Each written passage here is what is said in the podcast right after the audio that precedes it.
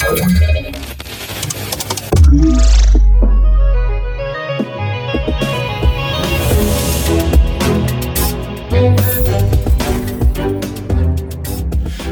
halo, tu mówi Warszawa w podcaście Cyber Cyber Raport. Zapraszamy Was w naszej codziennej audycji.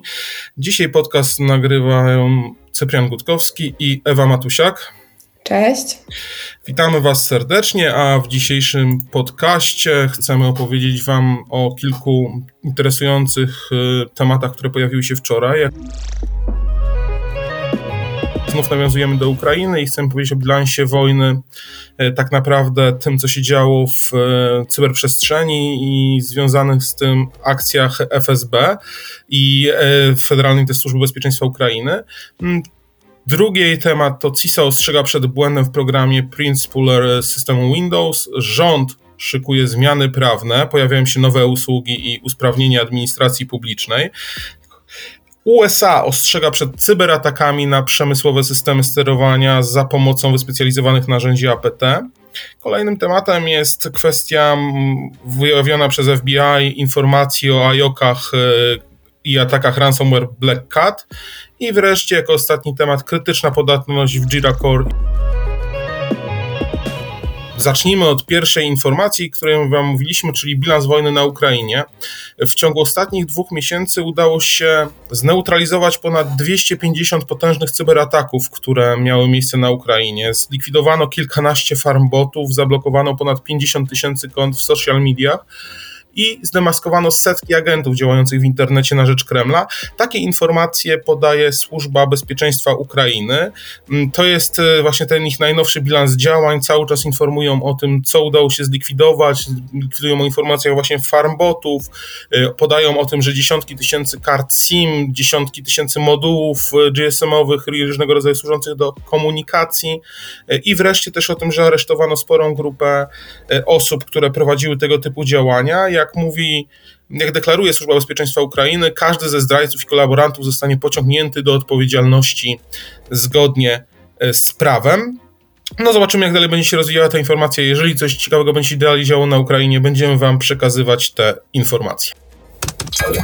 Kolejna informacja e, to informacja od CISY, o której często tu wspominamy. E, zostały dodane trzy nowe błędy do listy aktywnie wykorzystywanych błędów, a jednym z nich jest możliwość lokalnej eskalacji uprawnień przy pomocy Windows Print Spooler. Windows Print Spooler to jest usługa, która działa domyślnie na każdym komputerze i udostępnia lokalne API, przez które otrzymuje wydruki z aplikacji i wysyła je do kolejki wydruków serwera y, druka, druku. Błąd ten występował we wszystkich wersjach systemu Windows, ale został załatany w lutowym Patch Tuesday. Microsoft podaje, że atakujący mogą tę technikę wykorzystać lokalnie w mało skomplikowanych atakach bez interakcji z użytkownikiem i jest to kolejny błąd w Windows Print Spooler po krytycznej luce Print Nightmare, która umożliwia zdalne wykonanie kodu. Poszczegóły odsyłamy do podlinkowanego materiału pod odcinkiem. Rząd zamierza wprowadzić nowe e-usługi w administracji publicznej. E, mają być to na początku też zmiany prawne, które pozwolą, że administracja publiczna będzie mogła działać sprawniej i poprzez y, e-usługi. Y, taki proponowany katalog w chwili obecnej, który się pojawia, jest y, między innymi możliwość zdalnej weryfikacji tożsamości w urzędach, czy też prowadzenia elektronicznej, zdalnej dokumentacji. No i właśnie to, to ma być wprowadzony taki obowiązek tak naprawdę, że ma być obowiązek elektronicznego zarządzania dokumentacją, ma powstać narzędzie w postaci właśnie EZDR, ERP, które ma umożliwić wykonywanie czynności kancelaryjnych, dokumentowanie przebiegu rozstrzygania spraw, tworzenie gromadzenia oraz archiwizowanie dokumentacji w formie elektronicznej. Ma być to urządzenie, ma być to narzędzie, przepraszam, darmowe. Otóż pojawia się też kolejny z pomysłów, jest to wprowadzenie możliwości stosowania nowej metody zdalnej weryfikacji tożsamości, która ma mm, ograniczyć konieczność udania się do jakiegoś punktu, aby potwierdzić swoją tożsamość. Osoba taka nie będzie musiała się stawiać osobiście w urzędzie, na przykład czy to pandemie, czy też być może jakieś działania mm, wojenne, których chcemy uniknąć, ale wszelkiego rodzaju niemożliwość pojawienia się w urzędzie. Zawarte w tym projekcie postanowienia mają pozwolić na potwierdzenie takiej naszej tożsamości w bazie wizerunku wnioskodawcy zarejestrowanego w drodze transmisji danych, które będą pochodzić z dokumentu tożsamości oraz danych rejestru dowodów osobistych, czyli będziemy pokazywać tak naprawdę swoje zdjęcie, swój wizerunek na jakiejś transmisji, czy to podczas nagrania kamerą rozmowy, e, czy też e, w jakiś inny sposób i będzie to badane z bazą danych z rejestru dowodów osobistych. Przy użyciu tej metody zainteresowani będą mogli nabyć na przykład właśnie kwalifikowany podpis elektroniczny który, jak wiadomo, może być wykorzystywany zarówno przez osoby fizyczne, jak i przez pracowników administracji. Nowe usługi mają też ułatwić różnego rodzaju czynności. Tak naprawdę, na przykład e, rozwiedziony małżonek, który wskutek zawarcia małżeństwa zmienił swoje dotychczasowe nazwisko, może składać tylko online oświadczenie, że chce powrócić na przykład do swojego starego nazwiska. Również osoby, które chcą zawrzeć związek małżeński, będą miały ułatwione zadanie na zasadzie z możliwości złożenia online e, formularza, który zapewnia o braku okoliczności uniemożliwiających zawarcie takiego małżeństwa. Również zostaną wprowadzone różnego rodzaju um, uproszczenia dla cudzoziemców. Taki cudzoziemiec będzie mógł łatwiej złożyć wniosek o nadanie polskiego obywatelstwa, czy też wniosek o udzielenie zezwolenia na pobyt czasowy, a obywatel polski z kolei będzie mógł złożyć wniosek na zrzeczenie się obywatelstwa polskiego. Akurat tego może nie jestem fanem, ale, ale oczywiście istnieje taka możliwość również w tym projekcie, e, który ma być, e, który ma przejść przez polskie prawodawstwo. E, no i więcej o tym możecie tak naprawdę przeczytać właśnie w linkach poniżej. Kolejne ostrzeżenie, tym razem ze strony USA w związku z cyberatakami na infrastrukturę krytyczną przemysłowego systemu sterowania.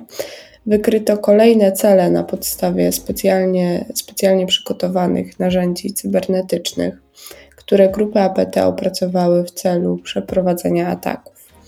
Narzędzia te pozwalają napastnikom przeniknąć do sieci docelowej, przeskanować urządzenia, wykorzystać luki w zabezpieczeniach i przejąć kontrolę nad systemami.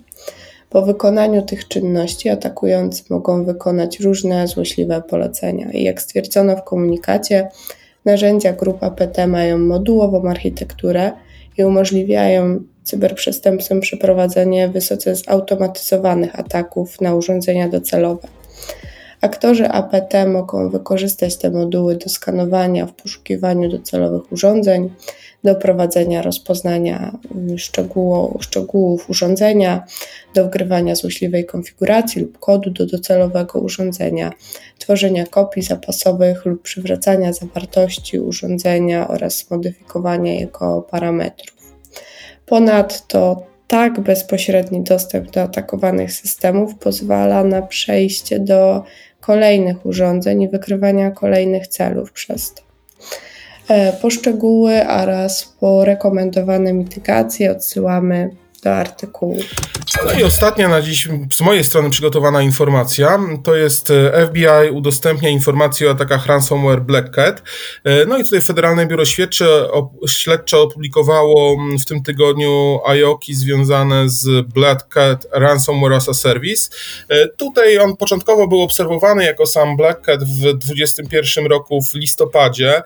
Znany był też jako Norberus, jest pierwszą rodziną tak naprawdę oprogramowania ransomware napisaną w języku programowania Rust. Według e, FBI od e, marca 2022 roku, czyli od miesiąca, tak naprawdę ponad miesiąca, z powodzeniem skompromitowanych zostało za jego pomocą około 60 organizacji na całym świecie, a w samym kwietniu ponad, zgłoszono ponad 9 ofiar e, tego oprogramowania ransomware. E, badacze bezpieczeństwa powiązali również Black Cat z grupą cyberprzestępczą stojącą za oprogramowaniem ransomware DarkSide Black Matter. W Ogólnie w ramach obserwowanych ataków Black Cat wykorzystywano skrypty PowerShell, Cobalt Strike, Beacon oraz legalne narzędzia Windows i narzędzia sysinternals. Także tutaj FBI poinformowało, jakie IOKI są związane z tym Black Cat. Oczywiście FBI nie zachęca do płacenia okupu, jeżeli ktoś został zaatakowany tego rodzaju e, ransomware. Jira i Jira Service Management są podatne na obejście uwierzytelnienia w Jira Seraph, który to jest frameworkiem uwierzytelniania sieciowego. Dotknięte są aplikacje, które wykorzystują konkretne komponenty, ale jednocześnie nie dokonują dodatkowych sprawdzeń przy uwierzytelnianiu i autoryzacji. Zdalny nieuprawniony napastnik może wykorzystać podatność, wysyłając specjalnie spreparowane żądanie HTTP w celu ominięcia wymagań uwierzytelniania i autoryzacji w akcjach WebWork wykorzystujących konfigurację, w której występuje błąd. Podatne są więc pluginy instalowane wraz z Jira, dokładnie Insight Asset Management i plugin mobilny Jira Data Center and Server. W opisie podatności, który podajemy, e, są również wymienione inne podatne aplikacje i pluginy. I oczywiście zalecamy, jak zawsze w takich przypadkach, aktualizację do najnowszej wersji. Tak, była to ostatnia informacja, którą na dziś dla Was przygotowaliśmy. Bardzo Wam serdecznie dziękujemy. Zapraszamy nas do słuchania od poniedziałku. Wtedy na pewno e, znowu usłyszycie Cyber Cyber Raport. E, w chwili obecnej dziękujemy Wam bardzo. Ewa Matusiak. Dziękuję bardzo. I Cyprian Gutkowski. Dzięki, do zobaczenia, do usłyszenia i miłego weekendu.